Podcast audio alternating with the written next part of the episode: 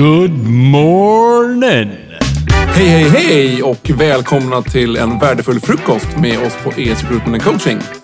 Eh, jag är Niklas Sjönnevik och sitter här med Elinor Sjönnevik. Vad ska vi surra om idag, Elinor?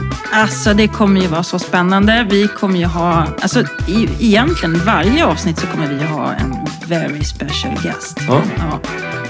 Eh, och det är ju liksom inom områdena som vi jobbar inom på ES Recruitment and Coaching. Just det. Så att de gästerna som vi har bjudit in är ju människor som vi vet har en eh, fantastisk kaliber och som är, som liksom äger sitt ämne inom rekryteringsspåret eller inom coaching. Och coaching, då pratar vi ju personlig utveckling. Och ibland så hör ju det här ihop. Liksom. Så att, eh, mhm. Men du, ska vi inte bara berätta lite grann varför vi heter Värdefull frukost och var det kommer ifrån då? Absolut. Ja, för jag tänker det blir ju jättekonstigt för, för lyssnaren här nu som är på väg till jobbet och undrar vad vi håller på Ja. med. Ja. Vi har gjort något liknande tidigare också. ja, precis. Men i höstas här nu då så eh, startade vi igång Värdefull frukost som ett live-event. Och, och då satt vi i en jättepytte lokal på Tavasgatan och eh, hade ett hybrid-event kan man väl säga med folk både på plats men också via, alltså digitalt.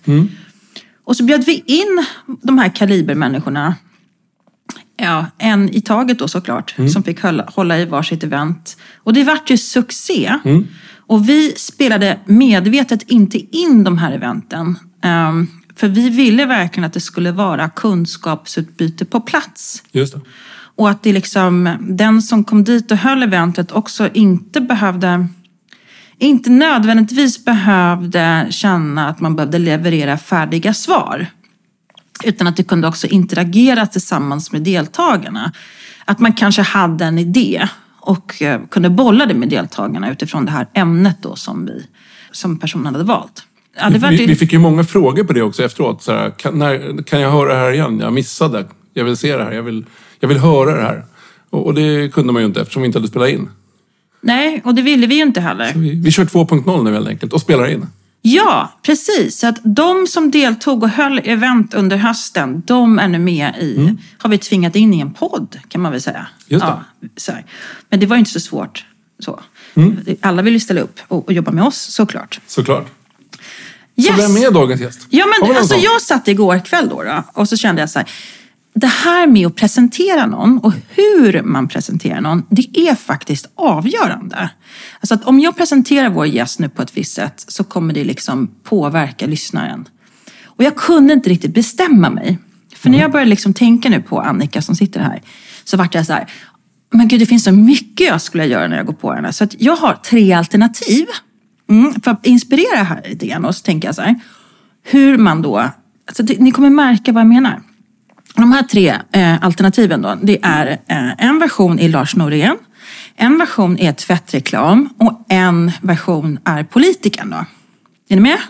Och då tänker jag så här, nu när jag då liksom vill att ni lyssnare ska förstå då hur eh, man kan påverka den här gåpåningen. Så ska jag börja med Lars Norén. Annika Kristoffersson. Kvinnan som har en gedigen kaliber inom learning and development. Där allt hon rör vid blir succé. Ja, vad tycker ni om den? Ja, bra. Ja, ja, ja. Sen så, det var Lars Norén-versionen. Och två, ja, det är så här, tvättreklamen. Annika, Annika, Annika! Kvinnan som har, som kompetensutvecklar andra med hjärta och hjärna. Mycket bra också. Ja, Eller hur? Ja. Ja, Och sen har vi då politikern. Annika. Kvinnan inom learning and development som går från klarhet till klarhet. Ah, visst är det bra? Ja, det är bra. Ja. Okej, så nu får ju du eh, Annika presentera dig själv och du får jättegärna välja någon av de här tre rösterna om du vill. Vilken tycker du var bäst? Jag tycker alla. Ja. Ja, eh, jag, ja, jag har nog alla de där sidorna tror jag. Så att jag tycker att alla, alla var bra. Är du lite Lars Norénig? Ja, men ibland kanske jag kan vara det. Ja. Okej, ja, men då får du välja din egen ton här och ditt eget tema. Jag kände att jag vill bara ge dig det här att ja, det är skillnad hur man presenterar. Eh, men berätta, vem är du? Vem är jag? Eh, en glad prick som eh, älskar utveckling i alla dess former. Eh, gillar att både själv utsätta mig för lite nya saker, typ som den här podden. Eh, men också andra. Eh, så att se utveckling. Jag tycker det är jättehäftigt att verkligen se människor växa. Eh, och då också även organisationer. Men om du berättar lite grann om din bakgrund då. För du har ju en gedigen erfarenhet inom de här områdena, kompetensutveckling av olika slag. I botten så är jag ekonom. Har pluggat eh, ja, företagsekonomi med inriktning mot organisation och ledarskap. Redovisning var väl inte riktigt min grej, ska jag väl erkänna. Eh, debit, kredit, fult och ljuga är det enda jag kommer ihåg från den kursen. Eh, Ja, då sa de det. Ja, det, det är det enda jag kommer ihåg. Eh, Men eh, mitt hjärta blev mer med organisation och ledarskap. Så skrev mitt eh, examensarbete eh, där jag skulle titta på processer. Och upptäckte att eh, det var ju jättespännande med ledarskap. För den där lilla enheten som jag var på hade ju massa problem. Det var inte bara att titta på processer utan det dök upp massa grejer. Så då eh, fortsatte jag när jag blev klar efter pluggandet med just processer. Eh, och i det så eh, blev det väldigt mycket ledarskap också och utveckling utav medarbetare. Så jag har varit både inom myndigheter och inom detaljhandel och jobbat med processer, förbättringsarbeten och människor. Eh, Och hållit ledarskapsutbildningar, utbildad coach, eh, så coachar tagit fram alla möjliga saker inom utbildning och utveckling. Men summan kardemumman, om vi tittar tillbaka då. Om du skulle säga eh, på alla de här jobben som du har varit, för du har ju varit på Migrationsverket bland annat. Du och jag, vi träffades ju i försäkringsbranschen. Japp. Och nu sitter du inom retailbranschen. Säger man så? Retail? Ja, retail, detaljhandel, Ja, ja, vad man känner för. Och jag tänker, vi, vi ska ju inte... Vi kan ju absolut säga vad det är för, för bolag du jobbar på. Då räknar vi ju med, stenhårt med spons då framöver, tänker jag. Eller hur? Ja. Ja. Vi får söka det efteråt. Exakt. Ja. Så helt plötsligt så kommer en röst och bara, synoptik. Ja, och då kommer tvättreklams-Annika in. Annika, Annika, Annika. Kvinnan som kompetensutvecklar med hjärta och hjärna. Synoptik. Ja, jag ja, tycker det är bra. Ja. De ska vara glada för morgonen. Det, har vi. Det är en egen slogan. ja, nej, men jag, jag tänker så här, om du tittar, tittar tillbaka på din bakgrund, om du skulle liksom ta fram någonting som du känner är Ja, men det här är jag extra stolt över att du åstadkommit. Här gjorde jag skillnad. Eh, som kanske sticker ut lite mer än på andra ställen. Svår fråga. Eh, men vi gjorde en ledarskapsutbildning på Migrationsverket. Eh, då var jag 25 kanske. Eh, och det var ju väldigt, väldigt erfarna chefer. Det var väldigt bra chefer på Migrationsverket. Men vi gjorde en, eh, en utbildning som sträckte sig under en längre tid för vi ville att det skulle vara en process. Vi hade också designat den utbildningen för att man skulle gå igenom förändringskurvan. Så att vi ville att man skulle bli lite arg och lite frustrerad och sen komma ut på andra sidan. Eh, och den utbildningen blev ganska ifrågasatt.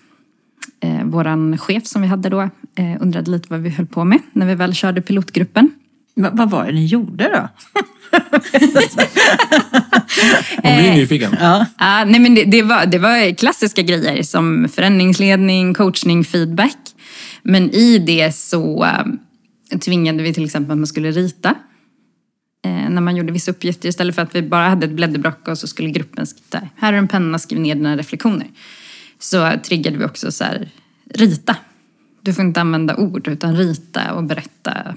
Eh, och det var lite svårt för gråa kostymnissar. Eh, men det blev jätte, jättebra. Och det, det som jag är stolt över är att vi verkligen såg vissa, jag ska inte säga att alla, men vissa tog till sig eh, och verkligen insåg hur de som chefer kunde göra skillnad.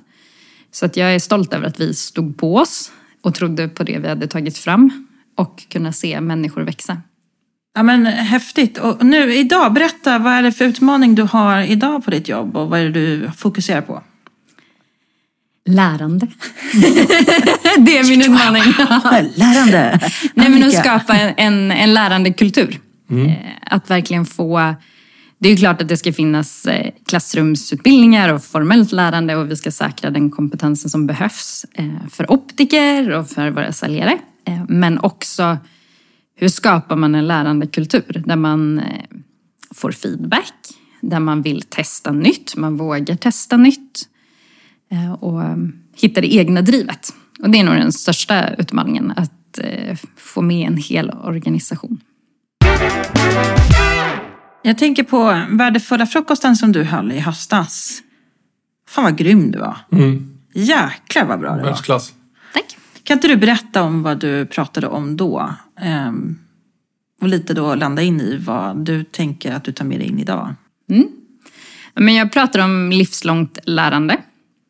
Både hur det ser ut nu, eh, liksom vad vi behöver framåt också kring olika typer av kompetenser. Men också en liten modell man kan tänka kring hur man själv ska, kan jobba med sitt egna lärande och utveckling eh, för att fortsätta vara relevant. Så det jag tänker att vi tar med in idag är vad, vad kompetens, eller vem är kompetent idag egentligen och eh, vilka kompetenser behövs byggas framåt? Alltså med framtidsspaning tänker du? Mm. All right. Ja, men gud vad intressant. För jag har ju då laddat lite med, med frågor. Vi vet ju någonting om ämnena du skulle ha med dig idag. Men vi har ju inte varit vi är inte förberedda till tänderna. Nej. Medvetet då ska jag säga. Eh, men, men Niklas, om jag frågar dig då. ehm, vad, är, om jag, vad är kompetens för dig Niklas? Kompetens. Eh, ja, nej, men det är väl att man eh, har lärt sig någonting. Eh, och sen eh, tycker jag väl att man eh, är bra på att utöva det helt enkelt. Klarar av att lösa uppgifterna. För att man har lärt sig någonting. Var det svar nog? Jag frågar Annika, det är hon som vet här. Ja, Vad säger du fröken? väl godkänt. Väldigt. Ja. Vad skulle jag sagt för att få MVG? Nej, jag vet ja. Nej, men jag, jag håller med. Eh, man kan ju ha läst jätte- jättemycket. Eh, Det finns ju de som eh, pluggar på universitet i 300 år. Eh, men aldrig använder det. Då har man en kunskap, men inte kompetens. Så att jag tycker den delen att liksom verkligen göra och använda det man, eh, ja, sin förmåga. Så blir det. För det är ju, inom rekrytering så pratar vi ju mycket om kompetensbaserade eh, frågor till exempel. Och då är det mycket om huret, alltså hur man använder sin kompetens i, i, kopplat till beteenden och sen då ska kopplas in i, i att man ska kunna förutsäga prestation i någon form då när man sitter på en intervju. Eh, och jag tycker det är svårt eh, därför att eh, det är ju lite så i vår bransch också nu inom rekrytering att det ska helst vara CV-löst. Man ska liksom försöka få folk att bli inspirerade att våga pröva nytt. Men många som jag träffar, även inom coaching, de vet faktiskt inte riktigt. Man kanske har jobbat inom ett visst gebit länge. Men det innebär inte att man någon gång har känt att wow, jag har kompetens inom det här. Utan det kan ju också vara att man bara har valts in i ett yrke. Nej, men min familj, vi har alltid jobbat med ekonomi. Eller vi har alltid varit advokater. Eller vi har alltid jobbat inom bygg. Ja, jag gjorde som farsan. Eller jag gjorde som sådär. Så jag tycker det här med kompetens är ett väldigt spännande men också laddat ämne, tycker jag. Därför att det är så också förknippat med skam och skuld hos många. Att nej men jag kan ju ingenting. Men gud, vad, vad, jaha, vad händer med mig nu i framtiden om, om, om man nu drar ner på, om allting blir robotiserat och digitaliserat. Försvinner min, det jag har jobbat med? Och en, en del som jag också träffar känner ju att de har ju aldrig liksom bara, ja men jag har bara jobbat på och ja, det har gått bra för mig men vad jag har för kompetens det vet inte jag. Det är spännande ämne, helt klart, men jag tror att det finns mycket som man kan göra framöver för att få folk att landa in lite i den här frågan. Så vad tänker du Annika när jag pratar om det här? Jag tycker det är jättespännande och väldigt relevant. Eh, för om man tänker digitaliseringen så sker ju den och den sker nu och det kommer ju bara ske snabbare och snabbare. Eh, Man säger ju att eh, 2035 så kommer 53 procent av alla nuvarande jobb inte finnas. Och vad beror det på då? Digitalisering Bara? Mm. och automatisering. Eh, Men det betyder ju att vi människor måste faktiskt vara människor. Eh, Och det har vi lite glömt bort. Jag kan ju bara titta på mitt jobb idag. Jag gör ju saker som jag inte tycker är jättekul. Sitter och flyttar siffror mellan olika Excel-ark. Alltså, eller... vi får hoppas att din chef inte hör det här nu. Precis. Annika älskar sitt jobb, bara så att ni vet. Ja. Ja, men vi har ju alla delar som vi inte tycker är roligt, som är väldigt automatiserat egentligen. Som vi inte använder vår hjärna jättemycket för. Att sitta och flytta siffror eller skicka dokument fram och tillbaka. Och det gör ju att vi glömmer bort ofta att utveckla de delarna som är oss människor, som vi är jättebra på. Och som vi borde utnyttja vår hjärna till, eller liksom vår kapacitet. Både så här social, alltså visa omtanke. Ehm, om jag bara tar som i min bransch, där säljare ska liksom stötta och hjälpa till exempel med bågar och, eller om någon inte ser, man har fått någon ögonsjukdom eller liksom så. En robot kan ju så här, liksom fota av och säga att ah, de här bågarna borde, borde passa. Men du får ju inte det sociala, någon som visar omtanke eller kan peppa och hjälpa till med självförtroende. Det kommer ju inte en robot att kunna göra. Så då måste ju vi träna och lägga tid på att utveckla sånt som är bra för oss människor. Eller det som är oss. Liksom, så. så social förmåga, eh, kommunikation, eh, problemlösning, kreativitet. Och de sakerna skippar vi ofta i arbetslivet idag. De kan finnas i annonser. Så här, vi söker någon som är bra på problemlösning och eh, så. Men det är ju sällan vi faktiskt jobbar på dem och utvecklar dem. Vi oftare, liksom, om vi tänker CVn och så här, så bara, jag kan eh, Excel och jag kan det här. Men det är ju inte de andra sakerna som faktiskt är kanske det viktigaste som vi lyfter. Eller jobbar med på att utveckla. Men om vi pratar om hållbart lärande. Eh, och jag skulle faktiskt vilja gå tillbaka lite till den här värdefulla frukosten som du höll i. Eh, och, för jag tyckte det var så, ja men faktiskt det var ett av de bästa eventen vi hade. Och du fick ju en enorm respons av deltagarna. Det var många som också deltog. Jag tror vi hade en, en väldigt hög all time high hit rate, säger man väl va? Ja men sorry. Det var många som var, som var med som hade tipsat andra om att mm, se det. Därav fick vi många frågor efteråt. Eh, vart det gick att se någonstans. Så fick man svara ganska många att vi inte hade spelat in. Så att... Eh, ja, det var väldigt bra. Men jag tänker lite grann om du bara, för du pratade lite grann om hjärnan också. Du pratade ju om hur, hur det funkar med äh, håll. Du kan börja med att berätta, vad menar du med det uttrycket? Bara så att vi får en tillbakablick i det.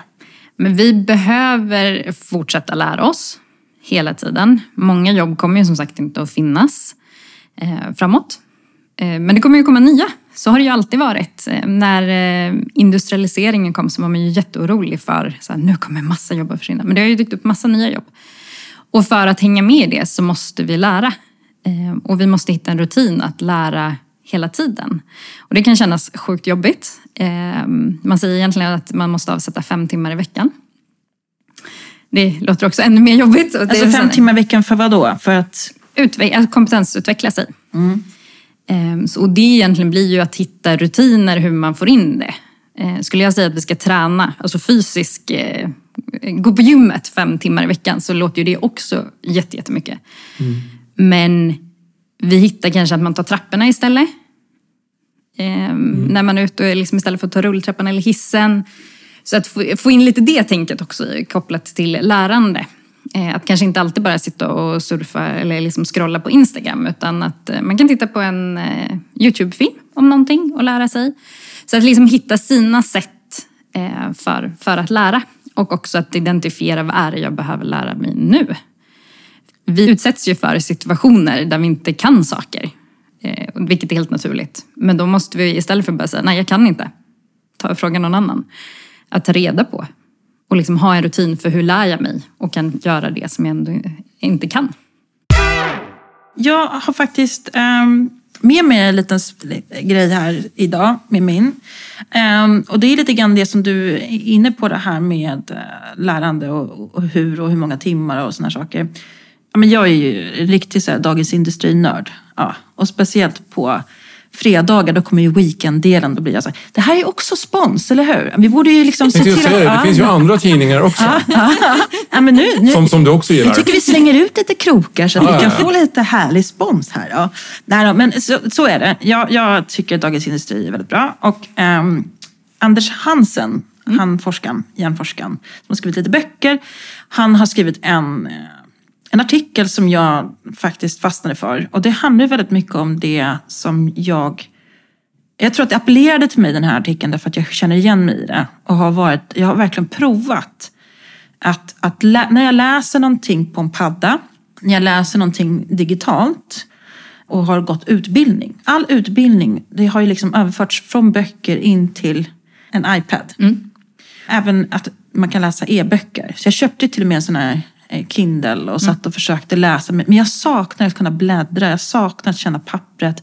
Och jag känner att jag, det, det gick liksom inte riktigt. Så att när han då skriver så här, att nu har det kommit ut forskning eller de har kommit fram till i forskningen att när det kommer till livslångt lärande eller när det går en utbildning så, så är det så att läsa och ta del av kunskaper i pappersform i större effekt än när du sitter digitalt. Och det här tycker jag är så intressant. Ehm, däremot så säger de inte att, att det digitala, att vi behöver på något sätt ta bort det.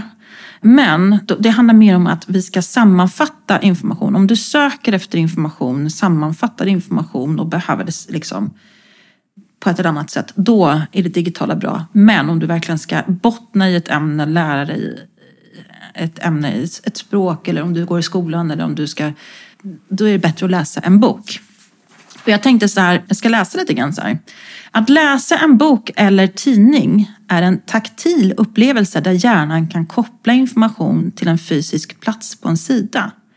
Detta skulle kunna förbättra förutsättningarna för inlärning då vårt eh, långtidsminne är vår rumsliga orientering och nära knutna till varandra i hjärnan. Jag tycker det här är jätteintressant. Eh, när vi öppnar en fysisk bok har vi en annan, mer meditativ inställning där vi gör oss redo att sjunka in i en text och ostört absorbera den. Dessa orsaker är emellertid spekulation. Det går inte säkert att svara varför en fysisk text är överlägsen ur inlärningssynpunkt. Bara att det är det. Och då, då är liksom diskussionen här, är så här, kommer vi att vänja oss vid det här? Och vad tänker du nu Annika när jag slänger ut det här då? Att, eh, jag tycker det är kul att det finns som forskning.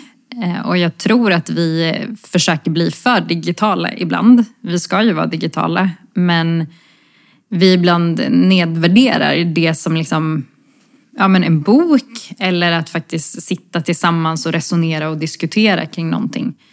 Eh, Så att jag tror att förståelsen för hjärnan som vi kommer bara få mer och mer kommer att göra att vi förstår oss själva eh, och då kan också skapa liksom mer hållbara sätt att lära sig men också hur vi mår. För jag skulle säga att lärande och utveckling av sig själv hänger väldigt tajt ihop med hur vi mår. För mår jag skit, då kommer inte jag orka eh, utveckla mig.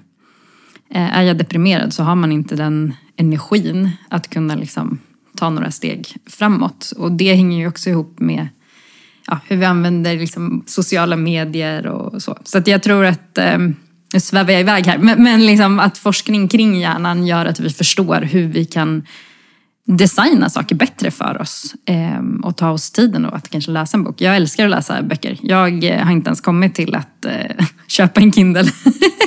jag har fått att så här, du borde läsa eh, och ha en sån. Men jag, eh, jag verkligen bara behöver den. Dels för att jag gillar att läsa sista sidan i en bok innan jag börjar läsa första.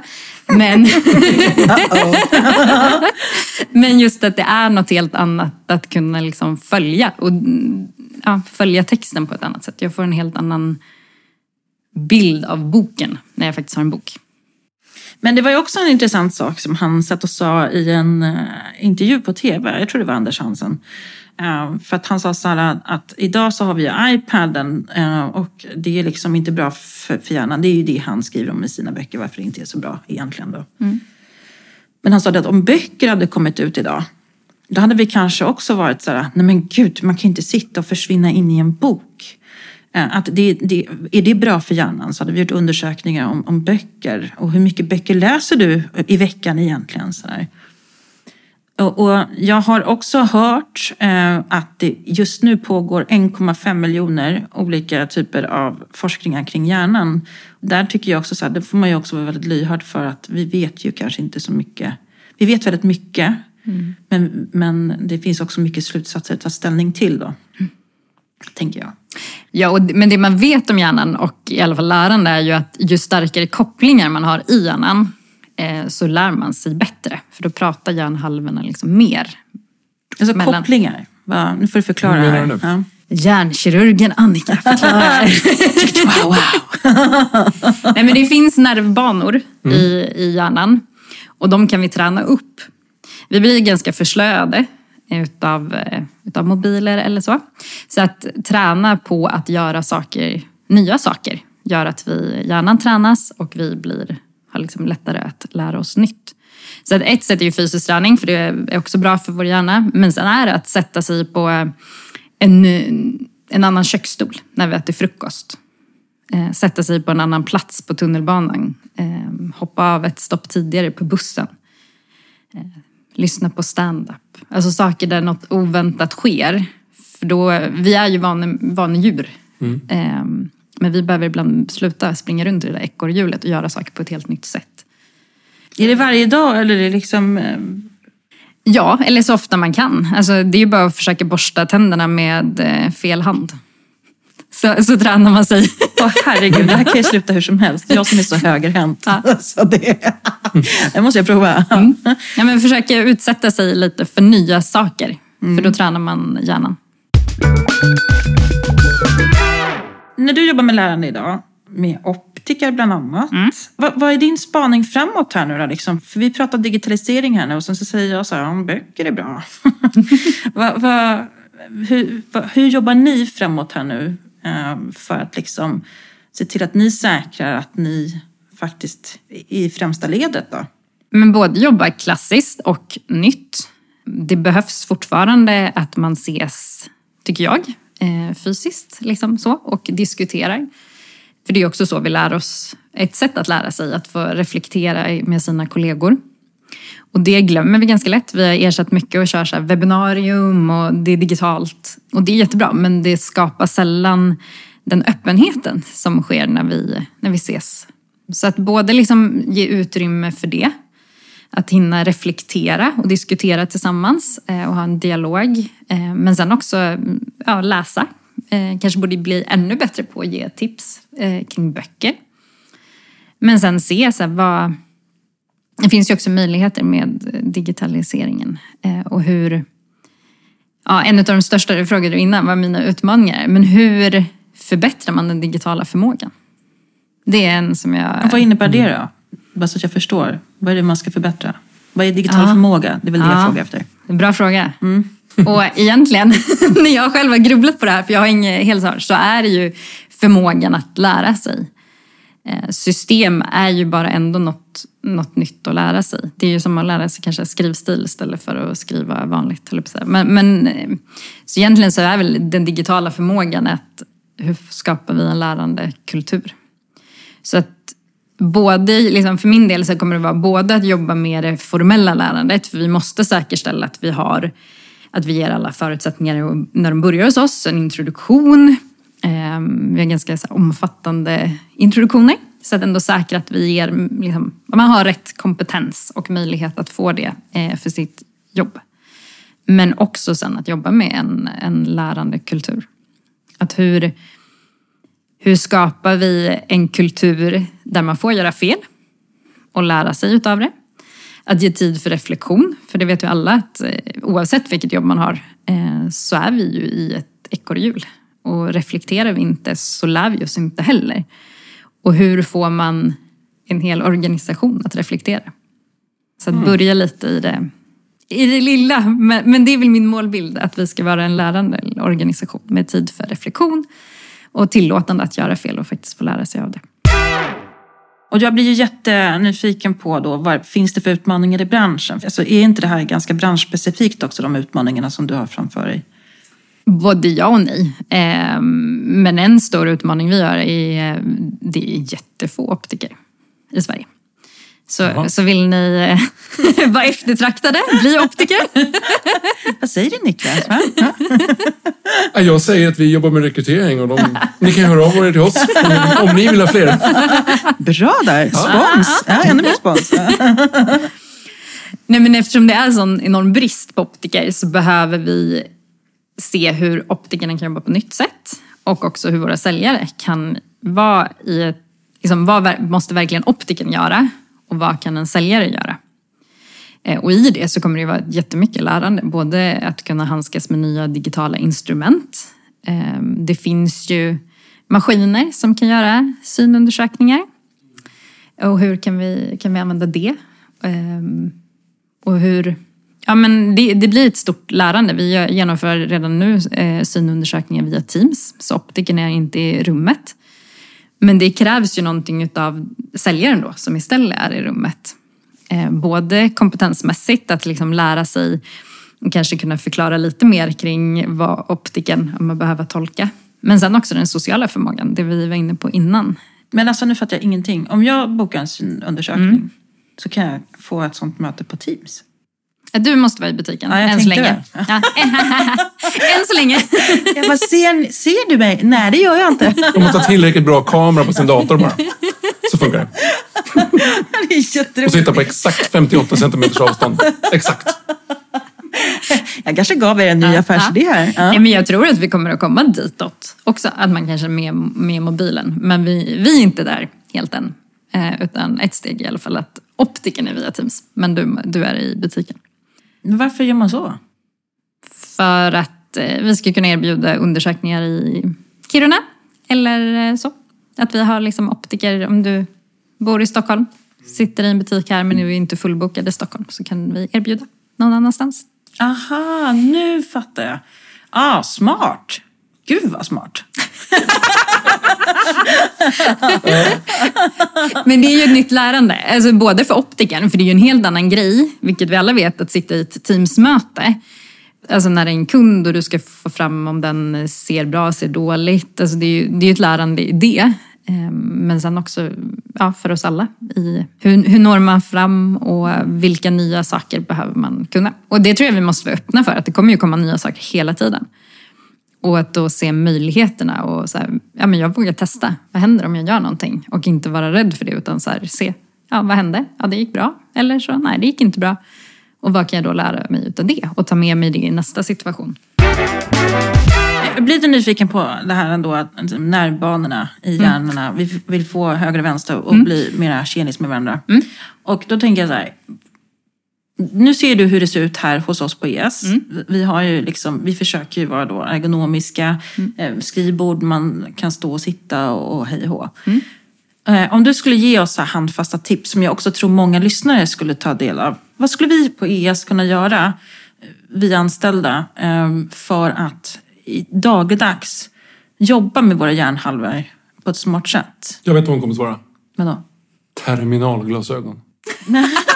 för, det, det har vi inte. Eller jag har glasögon ibland. Men, men, Nej men jag pratar om... Nej, men nej, förlåt, ja, förlåt. Det var ju Annikas...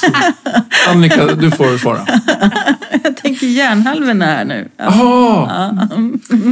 Ja, men dels att utmana varandra i att faktiskt ha tiden att eh, if- ifrågasätta, låter lite eh, hemskt, men, men eh, utmana till att tänka i nya banor. Eh, och att då ha tiden för reflektion. Så att man inte bara springer och springer och springer och så gör, man, gör ni samma, på samma sätt i varje rekrytering. Utan så här, hur kan vi göra det här på ett helt nytt sätt? Eh, Men sen att utmana varandra att eh, ta en lunchpromenad men gå någon helt annanstans. Lyssna på stand-up. Att tänka i... Och stand-up, då menar du inte stand-up komik? Jo, Ja, du menar det? Ja. Jaha.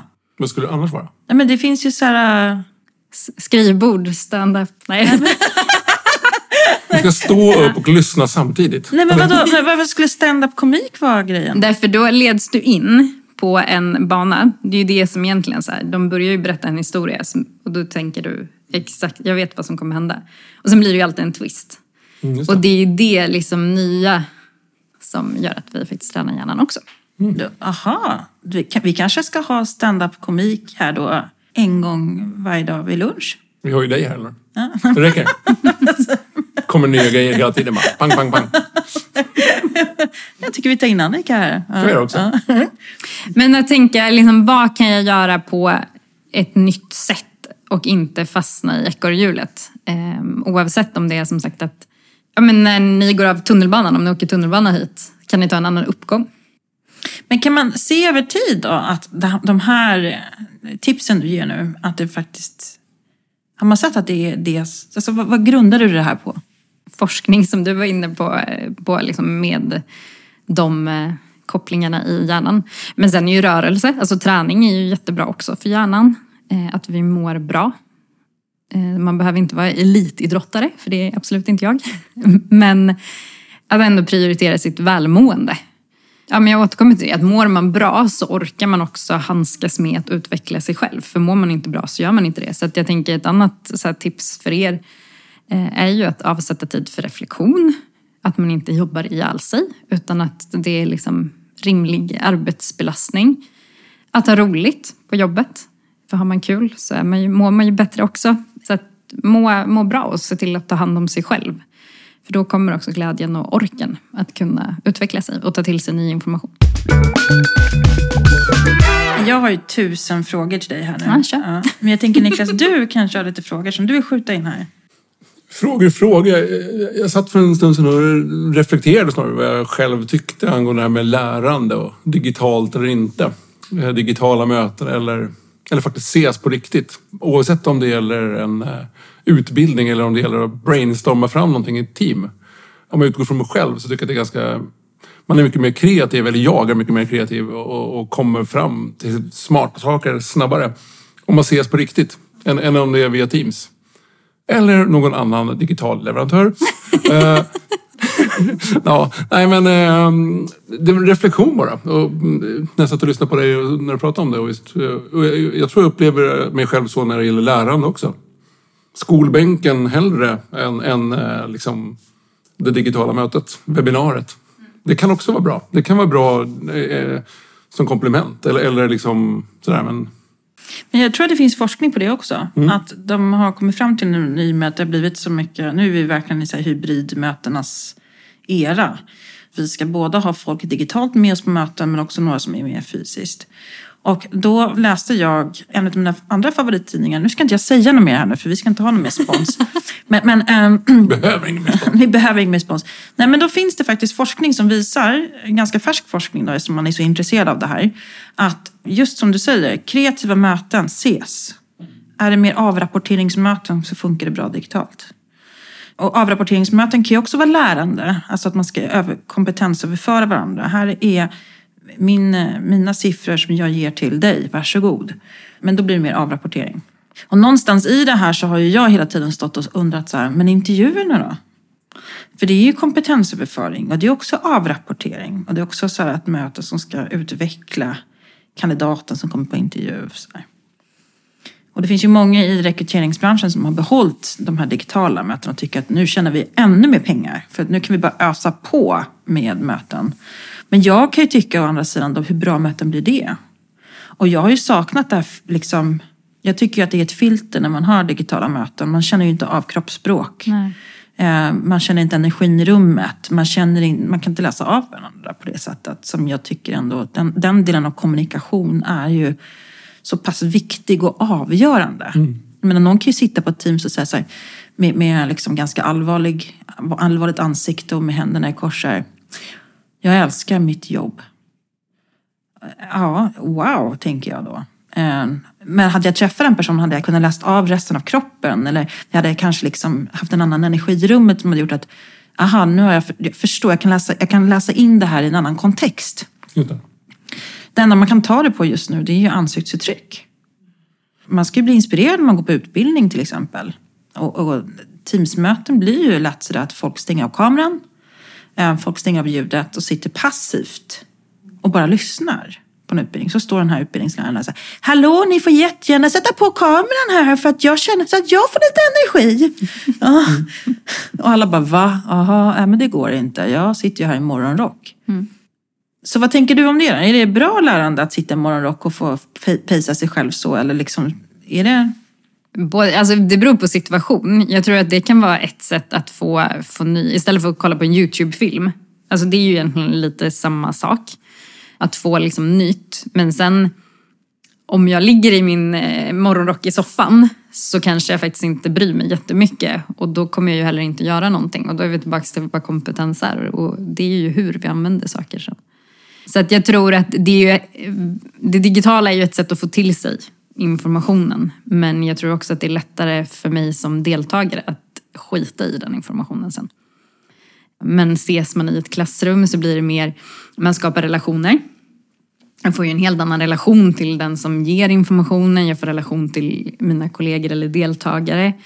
Eh, och kan ju utbyta erfarenheter, tankar. Nu förstod inte jag, det är jättefå som säger det i ett webbinarium. Mm. Eh, så här, jag, jag fattar inte, kan du förklara?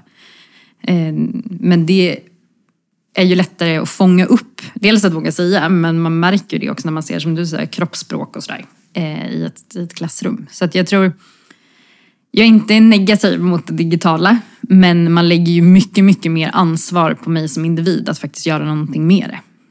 Eh, och det i vissa fall är bra och i vissa fall är det inte bra. För det kanske inte händer någonting. Och då var det ju bara en, en timme som gick till spillo i livet. Annika, mm. eh, vad ser du att företag kan bli bättre på gällande att bygga kompetens? Att både se formell kompetens och bygga den och det är ju oftast där som man är duktig. Alltså ha klassrumsutbildningar och digitala utbildningar men också att se individuell kompetens och kompetensutveckling. Att ge möjlighet till reflektion. Att se över liksom hela den kulturella liksom, i, ja, kulturen i ett företag. Mm. Ehm, att ibland släppa kontrollen och ge möjlighet att testa ny, nytt göra på ett nytt sätt. Vi ska ju ha våra processer och standarder. Eh, men en standard är ju bara bästa sättet att göra någonting just nu. Så att ge liksom möjlighet till att förbättra och testa nytt. Och att ge medarbetare liksom friheten och engagemanget att eh, hitta vad man själv vill utvecklas inom. Bygga självkänslan hos individer tror jag att man behöver fokusera mer på. Sådana som min roll och inte bara bygga det hårda, de hårda kompetenserna ja, och formella kompetenserna utan också se individerna. Det är nog många som sitter och inte vet vad de vill lära sig mer om heller på sin arbetsplats. Man kanske behöver liksom lite coaching i att komma fram till vad man faktiskt vill. Är det så du tänker också? Ja, jag tror att det båda är i stort. Ibland så eh, kan man ju undra hur hamnade jag här och vad gör jag här? Mm. så, eh, och liksom kan verkligen behöva coachning i att man behöver vara på någon helt annanstans. Man mår inte bra i den rollen när man är eller man trivs inte. Det finns ju jättemånga studier på att vi är supermånga som inte är engagerade. Vi går till jobbet, får vår lön, men vi har inte vårt hjärta där. Det är ju en typ att liksom inse att jag kanske ska, ska vidare. Eh, men sen att också få hjälp i att hitta, men bli utsatt för nya situationer att man har en chef eller kollegor som kan lite så utmana, kan ge nya uppgifter, delegera och att man får utsättas för en ny situation och i det kunna växa. För som du säger, det är inte alltid lätt att veta hur man spelar in en podd. Nej, men då får man ta reda på det och så kör man mm. och så blir det vad det blir. Lite så. ja. Eh, och det tror jag att vi behöver mer av i arbetslivet också. Att inte alltid ha färdiga svaren. Att inte alltid säga så här, jag har stenkoll på hur man gör en podd. Jag har stenkoll på hur man eh, gör formler i Excel. Utan så här, ge en uppgift och sen lösa den. Och ha den friheten att få ta, ta reda på information, testa och göra det, och det är det jag tror att företag måste bygga, den kulturen. Att man har det, att man inte bara springer i ett ekorrhjul för då finns det inte. Man får en uppgift, man får testa, lära sig. Jo, men det jag tänkte på, du var inne på det själv, framtidens yrken och vad som kommer krävas utav oss på arbetsmarknaden för att kunna möta upp eh, de förfrågningarna. Och jag har ju själv varit väldigt intresserad. Jag har ju läst olika profetior som har ställts under åren. Eftersom jag har jobbat med det här sedan i början av 2000 så har det ju varit olika rön. Men det jag har märkt senaste tiden är att det finns liksom en gemensam nämnare. Nu börjar man prata precis om det här som du säger. att vi behöver, bli trä- vi behöver tränas i social skills och det kreativa för att kunna möta upp. Och när jag håller utbildningar så får jag oftast frågan så här, nej men gud, vad händer nu med AI? Och vad händer nu med robotiseringen överlag? Kommer mitt jobb att försvinna? Så det var ganska skönt för mig att höra att, nej, att du också så ser det, att men, jobben försvinner inte, de formas om. För det är det svaret jag brukar ge. Men det som också har hänt under åren är ju lojaliteten kontra kompetens kontra guldklockans tid är förbi. Eh, och eh, alla här på ES har ju faktiskt bytt karriär mitt i livet. Det har ju varit vårt spår att vi har vågat anställa på folk som kommer in med en annan typ av kunskap utan erfarenhet av att jobba med det här. Alla är 30 plus i stort sett och har jobbat i cirka 20 år och lite mindre ibland med, med ett visst yrke. Det vi har gemensamt nämnare, alla har jobbat med sälj. Så att vi har ju verkligen behövt en kompetens bygga upp dem inom det här. Men det har varit en stor styrka i att de faktiskt kom in med en annan kompetens som vi ser vidare. Men det här är en chansning. Jag har ingen förebild. Jag har inget annat företag som bara tänkt så här. Så hur går dina tankar när jag berättar det här? Liksom, Att ni ligger steget före. Mm. Ni är pionjärer. Men jag tror, jag tror faktiskt det. För att många av oss kommer att behöva byta yrke. Förr så blev det ju... Eh, du blev läkare eller du blev... Alltså så. Och då var du det resten av ditt liv. Eh, jag tror inte att vi kommer att vara i det. Utan att vi kommer behöva vänja oss vid både individ, att eh, så här, jag kommer ha det här jobbet men sen måste jag skola om mig. Sen om det är att gå i skola eller liksom ändå kunna hitta ett jobb. Så. Men att vi kommer behöva börja från noll. Så att vi kan bli experter men sen att börja om igen och bygga upp en ny expertkompetens. Eh, och jag tror att företag måste våga släppa lite sargen och sluta rekrytera på just så här, nu är du expert på Excel. Bra, då tar vi in dig till en controller tjänst. Utan att se, liksom, du sa så här, andra... Ni kanske tittar på andra grejer och inte just så här, du har jobbat med rekrytering eller så. Utan så här, du sa sälj som en nämnare. Ja, men vad är det då inom sälj som egentligen ni har tittat på? Ni har ju tittat säkert på beteenden och hur man har... potential bara Ja. skulle jag vilja säga. Mm. Ja, och det är det jag tror att man måste börja titta mer på. Eh, Men det är ju jobbigt också för företag. För det kommer ju krävas mer då i en rekrytering. På ett sätt. Ja men precis. Ja, så att, eh, jag tror att ni är pionjärer och alla borde börja göra som ni. Ja, och det, tack, tack. Det var, det var det vi ville veta bara. Ja, precis. Eller en helt annan tanke som jag har. Eh, som handlar lite mer om Moder Jord. Moder Jord och våran hjärna är väl det som jag känner är liksom ett tema idag. Eh, och Moder Jord säger ju någonting till oss människor just nu. Och det är så här, den kanske inte rådiggar den här digitaliseringen alltid. Och någonstans är väl budskapet ganska så starkt att, och det är många under pandemin som har flyttat från stan för att börja liksom leva ett eh, själv... eh, Vad heter det? Man självbrukar? Nej. Självförsörjande? Självförsörjande, ja exakt. Självbrukare. Ja, det varit någonting annat. Ja, ja. Mm, tror det. Nej, men eh, personer som, som lever ett självförsörjande liv. Eh, och det finns ju också indikationer på att vi kanske ska gå mer mot jordbrukssamhället igen. Att vi kanske vi måste om vi ska överleva. Vår våra barn, liksom. vad har de för framtid om inte de lär sig att odla en tomat själva? Och samtidigt då så ska vi digitaliseras. Och samtidigt då pratar vi AI här. Och då har jag tagit del av eh, en person som då har gjort en forskning för Arbetsförmedlingen. Och det är Arbetsförmedlingen, ja, man kan tycka vad man vill om Arbetsförmedlingen men de har ju ändå personer som bottnar i sina ämnen när de pratar. Absolut. Liksom, sådär. Jag ska läsa lite vad eh, den här personen har då en ökad automatisering leder till att olika yrken förändras. Och då innebär det, precis som hon säger det här, att lära sig nya saker vid fler tillfällen under arbetslivet och att det kommer vara ännu mer viktigt att öka chansen att utvecklas inom det yrke du har. Eller om du behöver växla över till ett annat yrke. Eh, Det jag tycker är intressant här, det är att de pratar till exempel då om fysiska arbeten. Nu pratade jag om jordbruk här innan. Och då menar de att det är viktigt att även i fysiska arbeten att man också ins- att man blir man kompetensutvecklas digitalt. Så att om vi går till ett jordbrukssamhälle, om det är så att vi ska bli självförsörjande, men att vi också måste inkludera di- digitaliseringen i det. Jag får inte ihop det här riktigt. Jag tänker så här, bland annat så pratar man ju om eh, fyra dagars arbetsvecka. Eh, för de som har satsat på det, det finns ju företag som kör det redan idag. De är ju lika effektiva som de som jobbar fem dagar i veckan. Och då tänker jag att man kan hitta liksom en balans i eh, liksom det hållbara, kanske mer självförsörjande och vara man, liksom, de här tre dagarna. Eh, att ha något annat än bara sitt, sitt jobb.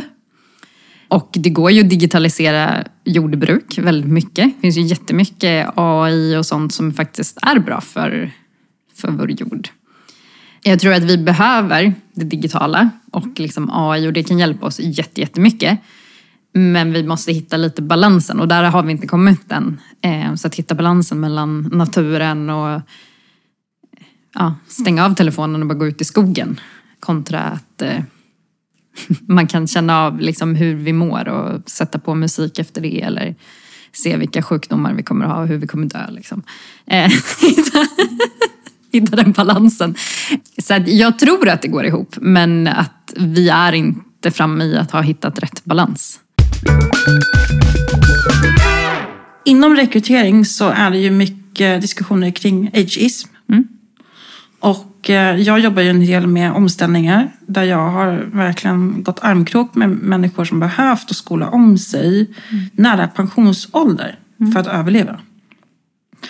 Ehm, Det finns ju då en sorts form av eh, uppfattning om att äldre människor inte kan lära sig ett nytt yrke. Eller det finns en fördom om det ska jag säga. Även hos personerna själva. Nej, jag kan inte eh, byta jobb. Jag har jobbat med det här 20 år nu, eller 40 år. Jag, ska jag lära mig någonting nytt? Ska jag sättas, sättas på en annan avdelning? Eller eh, behöva byta arbetsgivare? Och, och det är kopplat till att, att man inte har förmågan på grund av åldern. Och eh, inte kapaciteten. Vad säger du om det? Bullshit. Nej. Bullshit, yes. Nej, men jag, eh, jag tänker att det också kanske handlar, inte bara alltså självkänsla. Att det kanske inte behöver bara vara kopplat till att jag är äldre, att man har den känslan. Ehm, nu blir det lite två spår. Men ehm, jag tror att arbetsgivare är väldigt duktiga på att eh, inte förstärka oss. det blev lite så. Men, men jag har varit på flera arbetsplatser där man inte tror att man duger någon annanstans. Att man har blivit lite inlåst. Man trivs egentligen inte på sitt jobb. Vilket gör att man presterar ju inte jättebra. Men man presterar tillräckligt bra för att ingen ska märka en. Men man vågar inte söka sig någon annanstans. Det här gäller både statligt och privat och sådär. Eh, och det tror jag kopplar till liksom självkänslan. Och då hamnar man i en situation att ens jobb sen inte finns. Då är man ju inte mottaglig eller liksom så. Så att jag tror att vi måste bli bättre i, liksom, i det stora hela och bygga den självkänslan. Eh, så att man kan tro på sig själv.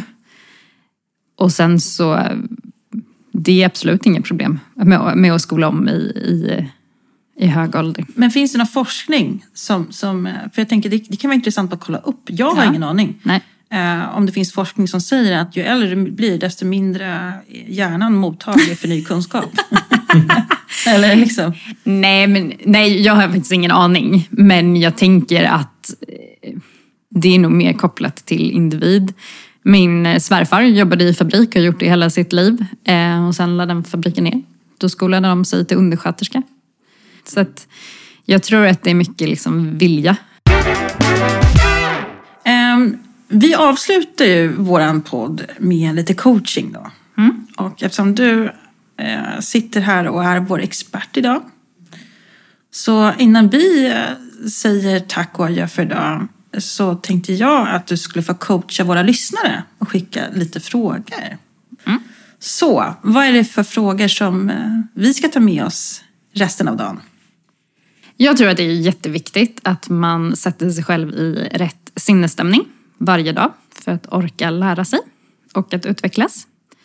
Eh, lite det jag har varit inne på, mår man inte bra så kommer man inte att orka.